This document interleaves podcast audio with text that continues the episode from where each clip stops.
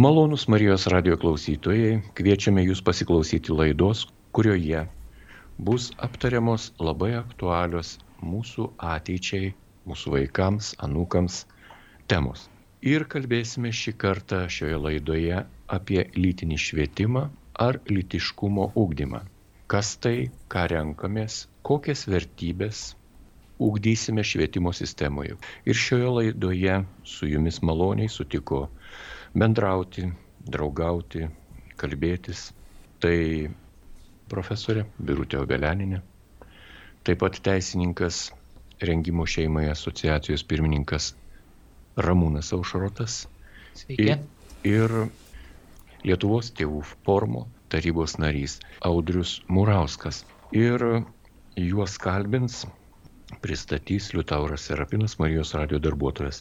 Taigi iš karto ir kreipiuosi į Jūs, malonus radio pašnekovai, kokia problema, kodėl mes kalbame apie lytinio ūkdymo programą ir kodėl vis ta lytinio ūkdymo programa yra mums aktuali ir kas tas yra lytinis švietimas ar ūkdymas.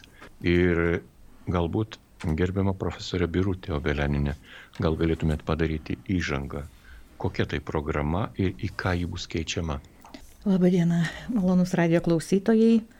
Tai yra problema, galima sakyti, su kuria mes susidūrėm nuo pat nepriklausomybės laikų, kada atgavom nepriklausomybę ir pradėjom po truputį kalbėti apie tai, kad turėtų būti švietimo sistemoje lytiškumo ūkdymas, rengimas šeimai nepaprastai sunkiai valdininkai atsiverdavo šitai temai.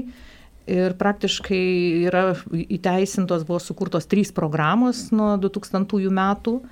Paskutinė 2016 metais tai sveikatos litiškumo augdymo rengimo šeimai programa, kurioje tikrai darbo grupė buvo labai skirtingų pažiūrų, labai skirtingų profesijų, galima sakyti, nuo viskupų konferencijos atstovo iki LGBT atstovo.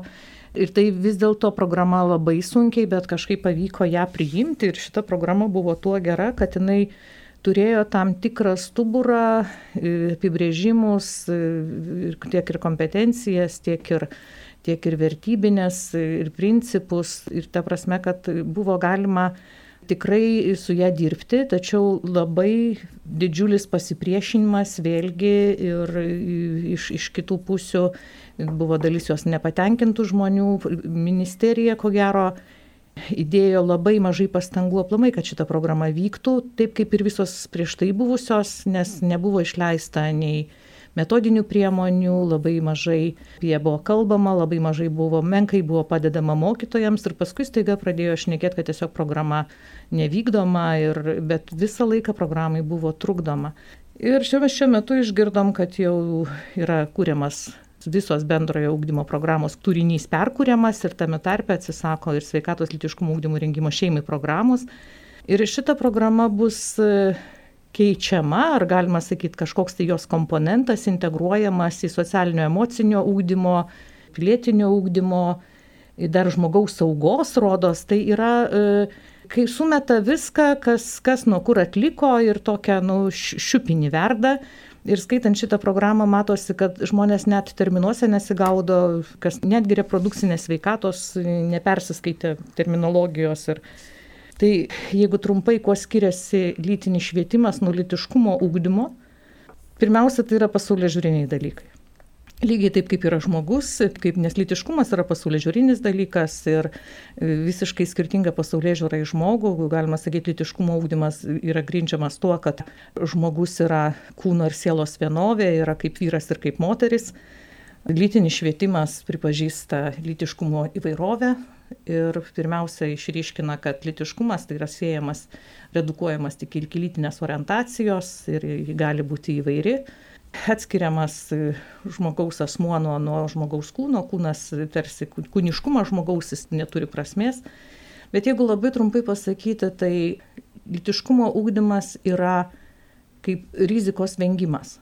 Tai yra ankstyviai paauglių lytiniai santykiai yra pripažįstami kaip rizikinga veikla, kaip rizikingas elgesys Ir litiškumo ūkdymas yra rizikos vengimas, tai yra atsisakymas rizikingo elgesio, o lytinis švietimas yra rizikingo elgesio pasiekmių mažinimas. Todėl tai yra visiškai, visiškai skirtingos koncepcijos, visiškai skirtingi dalykai. Negalim sakyti, kad lytinis švietimas iš esmės yra blogas, kalbam apie amžių. Lytinis švietimas suaugusiems neturi jokių, kaip pasakyti, problemų ir, ir tai žmogus, kuris atsako pats už save ir, ir, ir gali, gali apsispręsti. Tačiau mes kalbam apie vaikus. Ir mokykloje yra, pirmiausia, tai yra rizikos vengimas, lygiai kaip, pat, kaip ir sveikatos ūkdyme, mes juk nemokinam vaikų rūkyti saugiai, pasirinkti cigaretę, paskaičiuoti tabako dozę arba saugiai susileisti narkotikų dozę arba išmokti saugiai gerti. Atsisakoma, atsisakoma svaiginimuose, atsisakoma rūkalų, nes tai yra sveikatai rizikingas elgesys, lygiai taip pat ir su, su paauglių lytiniais santykiais. Tai yra ir kas dar lytinėme švietime yra nepaprastai paaugliams e, veikia, galima sakyti, turi tokį negatyvų poveikį, todėl kad lytinis švietimas turi tam tikrą savitą kalbą. Ir tai ta kalba yra e, visa e, tokia konotacija, kad neštumas yra neigiama nuostata ir abortas yra pozityvi nuostata. Tai e, neštumas yra sutapatinamas su lytiškai plintančiomis lygomis, netgi mirtinomis. Ir aišku, kad tai yra tam tikras neurolingvistinis programavimas.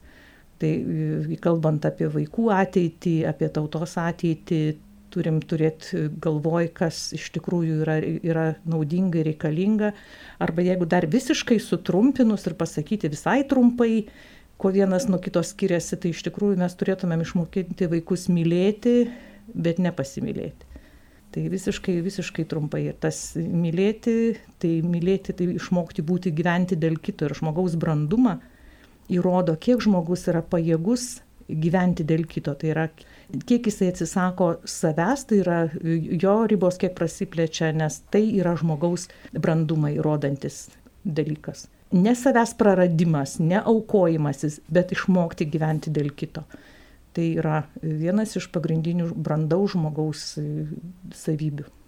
Gerbiamo profesorė Birutė, jūs taip gražiai na, įvelkate tikrai problematišką tokią programą į na, tikrai žmogaus kalbą. Bet e, jūsų besiklausant kyla techniniai tokie klausimai. Kol Ramūnas Aušrotas nepradėjo teisinių aspektų gvildenti. Norisi dar jūsų paklausti. O kas, o kas vykdys tą programą? Nežinau, biologijos mokytojai, socialiniai darbuotojai, matematikos auklėtojas, auklėjimosios klasės. Kas, kas tą, tą visą programą dėstys mokykloje jaunuoliams ir jaunuoliams? Tai šiuo metu, tai ką aš sakau, vyksta pokalbiai, dalymasi ir iš tikrųjų iš viso nori litiškumo ūkdymo kaip po tokį vat, atsisakyti, palikti lytinį švietimą ir mes matom, kad tie elementai lytinio švietimo būtent atsiranda, o, o ne litiškumo ūkdymo įrengimo šeimai. Pasaulio šalyse, kuriuose vykdomos litiškumo ūkdymo rengimo šeimai programos, pavyzdžiui, Lenkijos pavyzdį aš mačiau, pati buvau ir kaip prasiekėm nuo pat ministerijos iki, iki pat klasės, yra tokia tiesiog susitarta konceptualiai, kokios turi būti vertybės, kas gali dėstyti, kas, kas turi būti dėstoma. Tai yra absoliučiai viskas tikslai, turinys, priemonės, ir, ir metodai, ir, ir ką audytinis turi gauti, yra visiškai atidirbta programa, kaip sakiau, pirmiausia nuo koncepcijos, paskui programų, paskui mokytojų rengėjų, kas gali būti mokytojų rengėjais, koks mokytojas gali rengti šitoj programai. Ir jie turi, Lenkijoje bent jau turi atskiras valandas, atskirai mokytojas, kuris yra būtent rengimo šeimai mokytojas, Ir e, nuo pirmos klasės mačiau vadovėlių, vadovėliai taip pat yra ir mokymo priemonės, ir vadovėliai yra puikiai paruošti. Ir įdomu tai, kad kiekvienoje, tarkim, vaivadijoje yra šitos rengimo šeimai programos, kaip pasakyti, atstovas ar kuratorius, kuris žiūri, kad tikrai programa būtų vykdoma pagal tuos principus, kuriuos jinai turi būti vykdoma Ir mokytojai, pavyzdžiui, gali kurti savo programas, tačiau jų programos turi atitikti bendrus valstybinius principus. Tai yra tarsi tokia viena ašis, ant kurios suverta visa programa. Tai šiuo atveju labai aiški tokia vizija, kokią mato, tarkim, Lenkija, kokią mato šeimą, kokią mato rengimą šeimai ir kokią norėtų turėti ateitį savo valstybės, ko visiškai nėra Lietuvoje. Nes yra, yra blaškoma ir šiaip jau galima sakyti, kad didžiausias rengimas šeimai vis dėlto vyksta pačioj šeimoje, tačiau mokykloje vaikas praleidžia didžiąją dalį laiko ir e, kirstis e, tos vertybės kardinaliai tikrai būtų, būtų labai sudėtinga, jeigu tai, ką jis girdi šeimoje ir tai, ką jis girdi mokykloje, iš esmės nedėra. Taip neturėtų būti. Ir jo labiau, kad tėvai yra atsakingi už, už, už vaiko ūkdymo turinį. Tas ir, ir tiek Lietuvos konstitucijoje, tiek visuotinės žmogaus teisų deklaracijoje Ir juo labiau, jeigu mes sakom, kad šeima yra valstybės pamatas ir susitarėm, kad tai yra svarbu ir kad, kad tai yra Lietuvos ateitis, tai rengimas šeimai turėtų tapti prioritetų švietimo sistemos. Ir šiandien visiškai neaišku, yra visiškas absoliutus pasimetimas tai su tuo ūkdymo turiniu pertvarkymu ir socialinis emocinis mokymas, į kurį bandoma integruoti kažkokius tai gabalus lytiškumo ūkdymo ir tiek, kiek mes skaitom tas dabar tos projektus, kaip pasakyti, nu jie žemiau kritikos, nes net nėra ką kritikuoti. Tai būtų nors už ko kabintis. Gal šiuo metu paprašykime Ramūno Užroto teisininko, kad jisai tuos teisinius aspektus apžvelgtų tos buvusios programos ir tai, į tai, ką jį bus dabar keičiama. Taigi Ramūnai.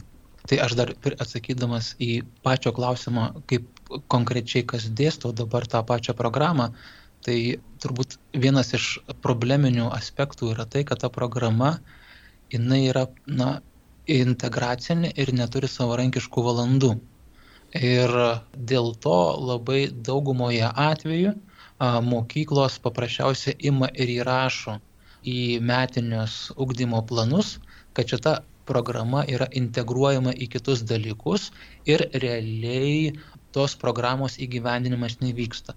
Tai yra viena iš priežasčių, kodėl mūsų oponentai, lytinio švietimo apologetai kritikuoja šitą programą. Jie puikiai supranta, kad programos turinys vertybinis yra stiprus ir nepalankus jiems, bet to tiesiogiai nekritikuoja, bet jie sako, va žiūrėkite, programa neįgyvendinama, jinai yra dėl to bloga programa. Naudojama tokia argumentacija. Antras momentėlis, kodėl turbūt taip, taip praktikoje yra, kad e, ne visos mokyklos ir ne visi pedagogai, kurie galbūt galėtų tą programą dėstyti, ir čia eina daugiausia turbūt kalba apie dorinio ugdymo mokytojus, kurie kai kurie yra ir išklausę kursus ir e, praėję programas ir jie galėtų dėstyti, ne visada ryštasi arba drįsta imtis šitos programos įgyvendinimo mokykloje. Atvažiuoja į kursus, išklauso, bet grįžę atgal į mokyklą arba negauna palaiminimo iš administracijos šitą jautrę temą liesti, arba patys tos iniciatyvos ir vidinės paskaitos neturi. Ir todėl šitą nišą dabar šituo metu pradeda užimti neformalaus švietimo specialistai. Ir dažniausiai šita programa ten, kur vyksta mokyklose, yra įgyvendima tokiu būdu, kad mokykla pasikviečia kokią nors neformalaus ugdymo programą vykdančią įstaigą, kuri atsiveža lytiškumo ugdymo programą, jos kokius kursus ir ją įgyvendina. Ir šitoje vietoje mes turime daug problemų e, su tuo, kad e, na, yra atsiradę įstaigų, kurios iš esmės nesilaiko e, ir jų pateikiama medžiaga netitinka valstybinės služb programos, bet yra įvilkta į tariamą tam tikrą atitikimo rūbą. Ir, ir jie bando įlysti į mokyklas ir, na, iš, iš esmės vykdyti lytinį švietimą, kurio valstybinė programa neleidžia. Tai čia toks kontekstas dabartinis, bet kaip minėjau, kadangi šita programa, nors jinai priimta buvo konsensusu, jinai visgi netenkino tam tikrų grupių ir tam tikrų pasaulyje žiūrinių e, interesų.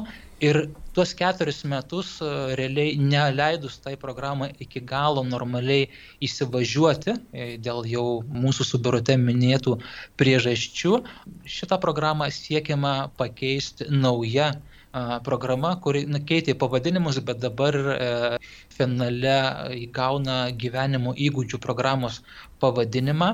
Ir kontekstas, kurio buvo pasinaudota, tai, tai yra valstybės ir ministerijų švietimo ir mokslo pradėta bendrųjų programų atnaujinimas prieš du metus jis buvo pradėtas. Tos atnaujinimo tikslas buvo iš esmės perrašyti visas programas kompetencijų pagrindų. Tai jeigu anksčiau na, ta vertinimo sistema buvo paremta ir matuojama įgytomis baigus tam tikrą dalyką žiniomis, gebėjimais, įgūdžiais ir, ir vertybių išsiugdymu, tai dabar yra perėta prie kompetencijų modelio, kad vaikas baigęs tam tikrą dalyką įgys tam tikrų kompetencijų, tai įgys tam tikrus praktiko reikalingus įgūdžius. Tai vad ir būtent šitame kontekste yra perrašomos visos programos ir daugiau mažiau turinys nėra koreguojamas.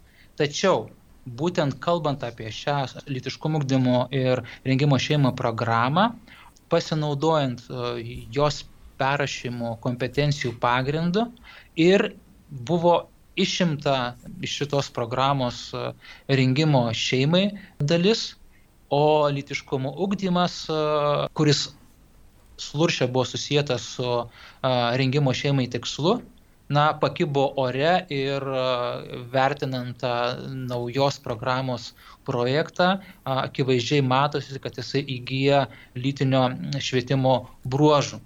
Ir šitą dalyką mes jau pastebėjome prieš gerus pusę metų ir atlikome tam tikrus veiksmus, tai Rengimo šeimo asociacija ir Lietuvos tėvų forumas ir ekspertai šios ryties nekarta kreipėsi ir švietimo mokslo ministeriją ir kreipėsi į Seimo švietimo ir mokslo komitetą, atkreipdami dėmesį į tai, kad, na, kalbant apie e, lytiškumo ugdymą, jis turi būti orientuotas būtent į įgūdžių susijusių su darnio šeimos kūrimu įgyjimą.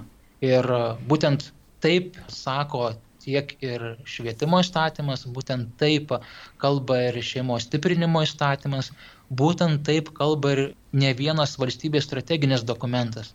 Ir čia turbūt svarbu atkreipti vieną tokį aspektą. Akivaizdu, kad žmonės gali turėti skirtingų įsivaizdavimų, kas yra šeima.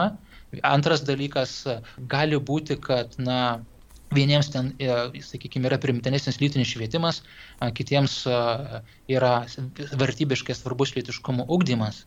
Tačiau mes kalbame apie ką? Mes kalbame apie valstybinę švietimo sistemą. Kalbėdami apie valstybinę švietimo sistemą, mes visada turime kelti klausimą, o kokie yra valstybės prioritetai, valstybės politikos prioritetai susiję su va, šitas rytimi, lytiškumo ugdymu. Ir kaip jau minėjau, tiek valstybės strateginiai dokumentai, tiek ir įstatymai labai aiškiai sako, kad valstybės prioritetas šitoje srityje yra padėti vaikams įgyti būtinus įgūdžius ir būtinas žinias, kad jie galėtų kurti ilgalaikius ir tvarius santykius ir ateityje sukurti darnę šeimą. Valstybinės politikos prioritetas na, nėra informacija apie įvairias šeimas. Ir čia šitoje vietoje turbūt vat, labai dažnai na, ginčiuose, kurie vyksta politiniam lygmenį ir ministerijos lygmenyje, sakoma, jūs norite kalbėti tik apie santoką, norite ignoruoti kitas, tarkim, šeimos gyvenimo formas. Tai čia reiktų pastebėti vieną labai svarbų dalyką, kad rengimo šeimai tikslas yra ne informacija apie šeimų įvairovę ten socialinę ar teisinę prasme, ir tikslas yra ne ideologinis, nepropaguoti tam tikras na, šeimos sampratas, kurios tarkim, nėra valstybėje legitimios, bet rengimo šeimai tikslas yra praktinis - suteikti konkrečių praktinių įgūdžių ir gebėjimų vaikams, kad jie galėtų kulti ilgalaikius ir tvarius santykius. Dar vienas aspektas, bekalbant, dažnai yra sakoma, kad, va, na, šitą dalyką naujoje programoje, kurios iš esmės pagrindą sudaro socialinis emocinis ūkdymas, duos būtent e, šita dalis. socialinis emocinis ugdymas, jeigu vaikas psichologiškai e, bus stiprus, e, įgis tam tikras savybės, sustiprins savo savivertę, savirealizaciją ir taip toliau, ne, tai kartu automatiškai leis jam ir ateityje mokėti kurti šeimą. Bet visgi tarp socialinio emocinio ugdymo ir rengimo šeimai yra vienas toks kardinalus esminis skirtumas. Skiriasi jų vertybių hierarchija, kam yra ugdoma. Socialinio emocinio ugdymo hierarchiškai vertybės yra būtent asmens savirealizacija, o rengimo šeimai pagrindinė vertybė, kuri yra ugdoma, yra gebėjimas būti dėl kito. Sveikas gebėjimas būti dėl kito. Taigi, va šitoje vietoje ta socialinio emocijų ugdymo programa, na, ne, jinai tikrai nėra pakankama. Nes, nu, tu gali duoti įgūdžius, kurie leis man susiplanuoti 20 metų sveikai savo, savo asmeninę santykių arba darbinę karjerą, bet tai nebūtinai reiškia, kad aš gebėsiu sukurti santykius ir būti su kitais. Ir vienas labai paprastas pavyzdėlis, kur išsiskiria na, praktikoje, tai Lietuvos statistika sako, kad 90 procentų, tai liūdna statistika, 90 procentų vyrų sulaukus neįgalaus vaiko palieka šeimą. Ir tai turbūt yra e, dalykas susijęs su tuo, kad, na, turint neįgalų vaiką, reikalinga atsisakyti tam tikrų dalykų, dažnai atsisakyti savo karjeros planų, savirealizacijos visuomeninės arba individualios ir daugiau remtis į kitas vertybės tai natūralu, kad na, socialinis emocinis ugdymas, kuris, tarkim, psichologiškai, sakykime, ugdo tam tikrą psichologinį stabilumą žmogaus, jis nėra pakankamas, kai eina kalba apie santykių ugdymą, būtent rengimo šeimai kontekste. Malonus Marijos radio klausytojais girdite laidą, kurioje kalbame apie aktualius dalykus, liečiančius švietimo sistemą, vaikų ugdymą ir kalbame apie labai konkretų dalyką, apie lytinį švietimą ar litiškumo ūkdymą ir kokias vertybės ūkdysime švietimo sistemoje. Šiandien laidoje dalyvauja profesorė daktarė Birutė Obeleninė, asociacijos Lietuvos tėvų forumas atstovas Audrius Murauskas ir teisininkas Rengimo šeimai asociacijos pirmininkas Ramūnas Aušrotas. Juos kalbina Liutauras Serapinas ir tesdami laidą, na, norisi paklausti dabar gerbiamo Audriaus Murausko. O kaip tas bendradarbiavimas vyksta tarp švietimo institucijų, įvairiausių ten e, susirinkimų, tarybų, projektų vykdytojų ir kuriejų, bei šeimų, tėvų, tėvelių? Ačiū už klausimą, aš dar e, norėčiau dar pridėti prie Ramūno teisinio įvertinimo dar vienas įstatymas labai svarbus, jo liko, manau, nepaminėtas, tai nacionalinio saugumo pagrindų įstatymas, kuris e, taip pat skiria dėmesio ir e, šeimos klausimams ir ten labai nedviprasmiškai reiškia yra pasakyta, kokią šeimą saugo valstybė. Tai ten netgi labai aiškiai pasakyta, kad tradicinė šeima saugo e, valstybė. Ir kaip suprantu, valstybė suvokia ir supranta, kad e, šeima yra nu, svarbiausia valstybės ta lastelė, iš ko susideda visa tauta ir, ir nebereikalo, nors met yra prioritetas būtent tokiai e, sandarai. Dar kitas labai svarbus momentas yra, kad ne vienas tyrimas labai aiškiai rodo, kokioje aplinkoje geriausiai aukti vaikui. Tai būtent toje aplinkoje, kurioje yra tėtis ir mama. Tai čia pati geriausia aplinka. Dėja, aišku, gyvenimas visai susiklosto ir, ir neslaika pilnose šeimose tenka vaikams aukti. Tai, tai nereiškia, kad mes neturime kreipdėmėsio į geriausią siekimybę, dėl to mes ir turime renkti šeimai. Dabar dėl to tėvų atstovavimo ir bendradarbiavimo, tai na, deklaratyviai mes gyvename demokratinėje valstybėje. Dar anksčiau anksčiau, tai reiškia, ankstesnėse kadencijose tėvų organizacijas kartais ir nepatenkinti, bet bent jau ta prasme, kad ir dalinai imituojant demokratiją, kviesdavosi diskusijai, kartais e, ir mes iš tikrųjų būdavom pakankamai nu, vertingi socialiniai partneriai ir pastaruoju metu iki šios kadencijos būtent dažniausiai būdavo šitas faktorius. Ir netgi rengiant tą pačią sveikatos litiškumo ūkdymo rengimo šeimai programą, sutrumpintais LURŠ, taip pat ir Lietuvos tėvų forumo atstovas aktyviai dalyvavo labai plačioje grupėje. Tikrai nelengva buvo, du metus ta grupė dirbo ir, ir, ir, ir išgimdė, taip reikėtų turbūt jau sakyti, tą, tą įstatymą, kur tikrai ne, nelengvai gavosi, bet, bet pavyko suderinti daugelį interesų tėvų šeimų atstovai gal ne šimtų procentų tai, tai programai pritarė, nes teko daryti šiokių tokių kompromisų, bet uh, už pagrindą iš tikrųjų ten yra sudėti labai kertiniai stiprus uh, nu, akmenukai, kur iš tikrųjų, ta prasme, nu, labai aiškus, ta prasme, prioritetas, nu, kokia šeima, kokioje aplinkoje tas vaikas turi aukti ir, ir panašiai. Tai va, tai e, grįžtant prie to, kur, kur mes dabar esame, tai šiandieną turiu pradėti guosti dabar jau turbūt, ar ne, kad, kad dėja nesame socialiniai partneriai nei viena iš šeimų ir tėvų organizacijų. Ir ką teko daryti, teko rašyti raštus ir įsiprašyti į, į, į draugiją. Tai su švietimo ministerija mes turėjome porą formalių susitikimų, neaišku, ar vyks trečiasis, bet realiai, ta prasme, nu, to nelabai pasiekėme. Ir uh, nors uh, Lietuvos jau formas veikia 16 metų, bet teko, tarsi mus privertė, taip galėčiau turbūt pasakyti, imtis jau radikalesnių veiksmų, nors anksčiau mes rašydom raštus, mm, dalyvaudom darbo grupėse, ne tik tai kritikuodamom, bet ir siūlydavom ir visą laiką su kiekvienu tą kritiką ateidavo pasiūlymas, ką daryti, net ir kaip daryti.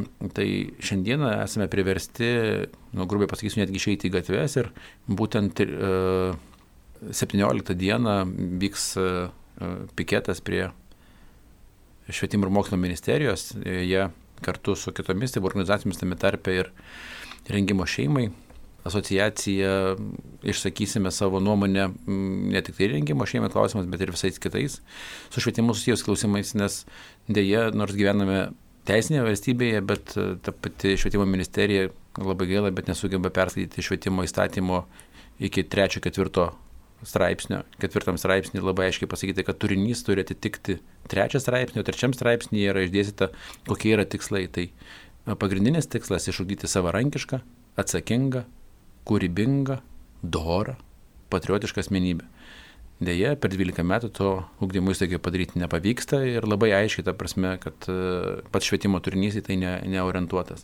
Tai va, tai čia nacionalinio ligmens klausimai. Kitigi klausimai yra labai svarbus ir mokyklos lygmenyje labai svarbu iš tikrųjų apsidairyti ir pažiūrėti, ar vyksta kokia tai ten litiškumo ūkdymo programa jų ūkdymo įstaigoje. Gaila, kad dažnoje nevyksta arba tik tai formaliai vyksta, bet kai kur iš tikrųjų vyksta. Taip pat mes gauname signalų, kad e, bandoma vykdyti rengimo šeimai programą prisidengiant gražių pavadinimų, bet iš tikrųjų turinys ten yra lytinio švietimo Tai dėl to tikrai, ta prasme, reikia labai sunerimti ir iš tikrųjų pastikrinti, ko yra ūkdomi mūsų vaikai ir labai kviečiu tėvams įsitraukti į šitą ūkdymo procesą. Tai bus ne tik tai kontrolė, bet tai bus labai svarbus ir tėvams edukacija. Kartu jie tai galės pratesti ir šeimoje tas diskusijas ir taip pastiprinti tą litiškumo ūkdymą ir įrengimą šeimai. Tai va, tai tų bendradarbiavimo formų yra labai įvairių ir, ir kiekviena yra labai svarbi, pradedant nuo klasės, einant link mokyklos tarybos, visuotinio susirinkimo, netgi jeigu tą reikia. Ir toliaugi judėjimai nacionalinių lygmenių, jeigu mes nerandame sutarimo ir jaučiame prievartą iš valstybės. Jūs gerbiamas Audriau labai radikaliai pasisakėte. Norisi dar truputį jūs nepaleisti nuo mikrofono. Švietimo institucija Lietuvoje, kuri yra atstovaujama nuo valstybės švietimo ir mokslo ministerijos, negirdi Lietuvos tėvų forumo asociacijos narių. Kaip taip gali būti? Ar galėtumėt pakomentuoti, kodėl negirdi, kodėl nesusikalba šios dvi geros, puikiai veikiančios institucijos. E, turiu pasakyti, kad e, nu, iki šios kadencijos, e, praeitose kadencijose mums tikrai pavykdavo sušnekėti. 16 metų mes tikrai vaisingai dirbom, ne tuo tempu, kuriuo mes norėjome, mes buvom greitesni, norėjom didesnių pokyčių, bet vis tiek judėjome į priekį ir tikrai būdavo įsiklausoma į mus ilgiau užtrunkant.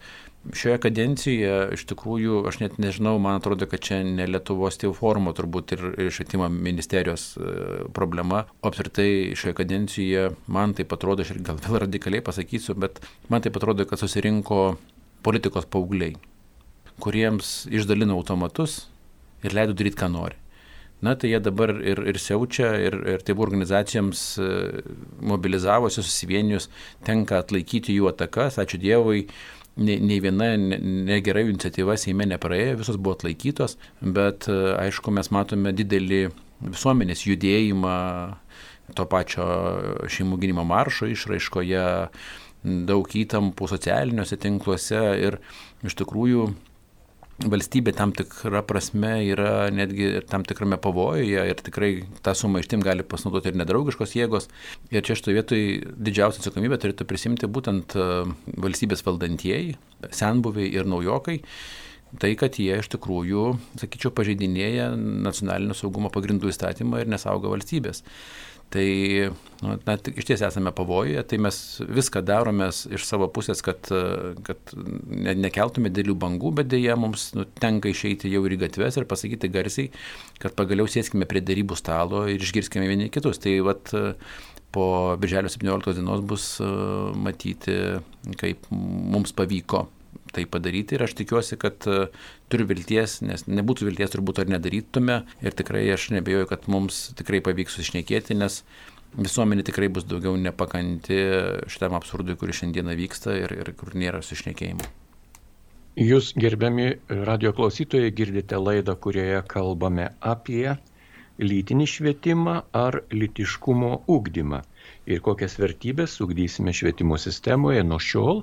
Ir šioje laidoje dalyvauja profesorė dr. Birutė Obeleninė, asociacijos Lietuvos tėvų forumas atstovas Audrius Murauskas bei asociacijos šeimai skirtai pirmininkas teisininkas Ramūnas Aušrotas. Atleiskit už banalų klausimą. Bet kas nuspręs už tėvus dabar nuo šiol, kaip jų vaikai turi būti ūkdomi? Nežinau, kas atsakys, gal Ramūnas Aušrotas tai iš tikrųjų jau vis labiau tenka girdėti tokią poziciją, kuri neramina, kad, na, švietimo turinys yra valstybės prerogatyva. Ir jūs, tėvai, kaip sakant, nu, nelyskite šitą dalyką. Panašiai buvo kalbama prieš porą metų, kai ėjo kalba apie vaikų teisų apsaugos dalykus. Irgi teko man girdėti ar ne, kad na, vat, valstybės pareiga yra apsaugoti vaiką ir e, netgi buvo išsakyta, kad šeima yra tik viena iš institucijų, kuri vaiką prižiūri. Taigi, reiškia, vis darosi populiaresnis e, tarp valstybės, galbūt ne politikų, nes politikai turbūt yra subtilesni e, ir taip stipriai nekomunikuoja, bet tarp audrios tų minėtų politikos naujokų, technokratų, jaunųjų technokratų, kurie moka, tarkim, vadybinti, organizuoti, bet vertybinė orientacijose e, turi tokią, kaip sakant, paslankę arba orientaciją, kuri visgi netitinka to, kas yra parašyta įstatymuose. Ir e, tada tenka išgirsti tokį dalyką, ar ne, kad, na, na šitoje vietoje, na, mes nuspręsime, nes tai yra valstybinis švietimas, tai yra valstybinio švietimo sistema. Ir šitoje vietoje norisi pasakyti, kad na, visgi nors valstybinio švietimo sistema ar ne yra organizuojama pagal švietimo įstatymą valstybės, nors už ją yra atsakinga švietimo mokslo ministerija, tačiau kalbant apie uh, religinius ir dorinius ir filosofinius pridėsiu įsitikinimus, šitoje vietoje tiek Lietuvos uh, teisės aktai, tiek ir tarptautinės sutartys ir dokumentai aiškiai numato, kad tai yra tėvų e, pirmenybė ir prioritetas, išimtinė jų teisė.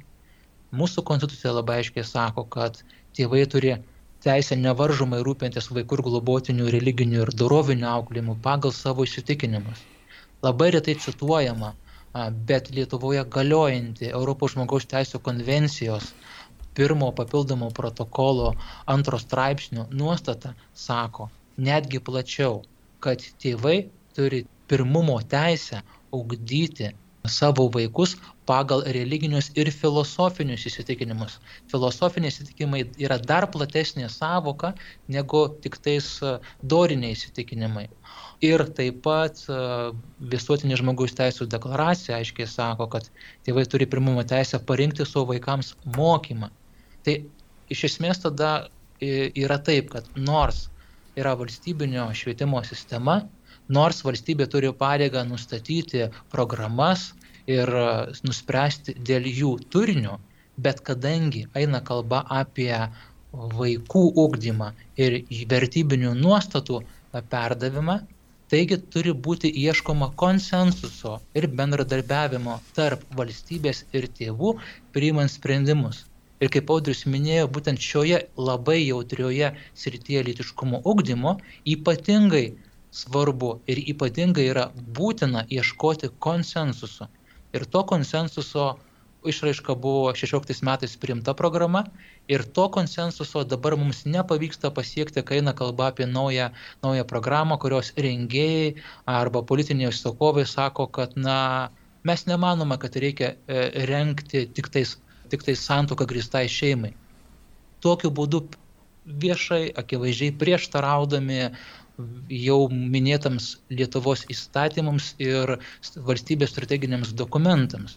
Būtent dėl šito tokio dvigubo aspekto, kad yra valstybinė švietimo sistema ir to, kad tėvai yra atsakingi už vaikus ir jie turi šimtinę teisę augdyti vaikus pagal religinius, dorovinius ir filosofinius įsitikinimus ir buvo numatytas e, slurš programoje bendradarbiavimo principas mokyklos ir šeimos, tėvų globėjų ar rūpintojų bendradarbiavimo principas, kuris buvo išreikštas nuostata, kad sveikatai ir šeimai svarbios vertybinės nuostatos kūrimos bendromis tėvų ir mokyklos pastangomis.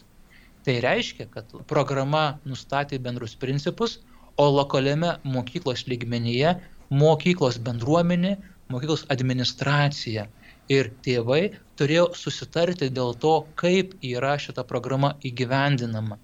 Ir dabar, kas turbūt yra skaudžiausia tėvams, kad e, šito bendradarbiavimo principo, kuris kyla iš, kaip jau minėjau, tos pusiausvyros, kurią švietimo srityje e, nustato teisės aktai, šito principo nauja programoje tiesiai šviesiai atsisakom.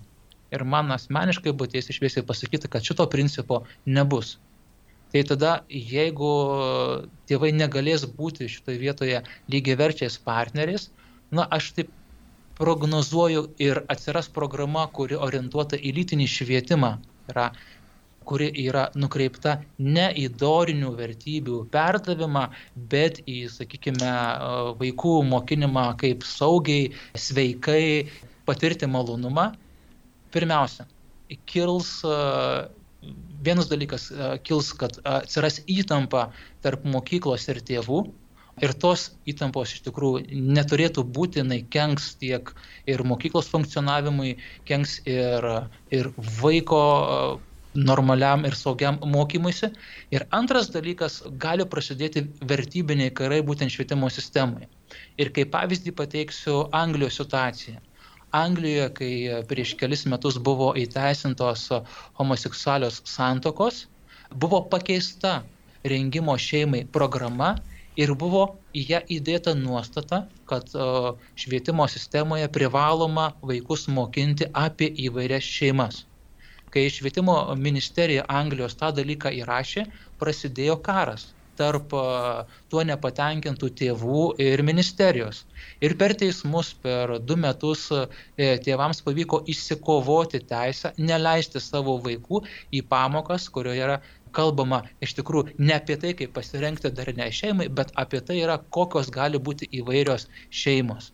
Tai natūralu, kad jeigu nebus to bendradarbiavimo principo ir tėvai negalės kartu su mokykla bendrai nuspręsti, kokiom vertybėmis turėtų būti grindžiamas lytiškumo ugdymas, Lietuvoje taip pat įteisinus šitą programą prasidės vertybiniai karai. Laidos liko labai nedaug, taigi gerbiami šios laidos autoriai, dalyviai. Kas galėtumėte apibendrinti per porą minučių, apie ką buvo kalbėta, dėl ko kalbėta ir e, kokie yra uždaviniai ateičiai. Taigi, nežinau kas, Birutė, Audrius, kas norėtumėt per minutėlę padaryti apibendrinimą ir užbaigti laidą. Visi kuklus esame, ar ne? Tai gal tada aš bandysiu, turbūt tokio apibendrinimo nepavyks taip greit padaryti, gal labiau toksai nu, palinkėjimas ir viltis. Tai pirmiausia, tai noriu visų paprašyti, kad mes būtume budrus ir nebejingi. ir stebėtume aplinką, kurioje auga mūsų vaikai. Pirmiausiai mes patys įdėkime jiems tai, ką galime duoti, nesitikėdami, kad kažkas tai papildomai duos. Bet taip pat supraskime, kad šalia mūsų yra ir pakankamai silpnų ir galbūt mažiau atsakingų žmonių, šeimų, kurie negali pasirūpinti tinkamai savo vaikais. Todėl mums tenka jais pasirūpinti ir ugdymo įstaigose ir dėl to mums labai svarbu, kad mes pasirūpintume tą aplinką, kurioje vaikams yra geriausia aukti. Vieną sakinį vis dėlto pasakysiu. Šiandieninėme kontekste ir tai ką, tai, ką teko girdėti ne vienoje šalyje, ne vienoje tarptautinėje konferencijoje, šeima yra pirmoji tėvynė. Ir pavojų, tėvynės pavojuje kontekste ir būtent kada kyla pavojus tėvynė, kariais galvoja apie šeimą. Jam tai yra mama, mylima žmona, mylima mergina, vaikai. Tai jeigu mes pradėsime čia nais kažkokias tai fantazijas arba, ta prasme, išradinėti kažkokį tai dviratį, prarasime tai, kad žmogus yra sukurtas santykiui ir prarasim net ir stiprybę čia nais, mes tikrai negalėsime apginti tėvynės. Gražų žodžiai. Dėkojame Jums, mėly Marijos radio laidos autoriai, tai gerbiama profesorė daktarė Birutė Obeleninė, asociacijos Lietuvos tėvų forumas atstovui Audriui Murauskui ir teisininkui Ramūnui Aušrotui. Malonius radio klausytojai, dėkojame, kad šią valandėlę kartu kantriai buvote su Marijos radiju. Likite su Marijos radiju ir toliau.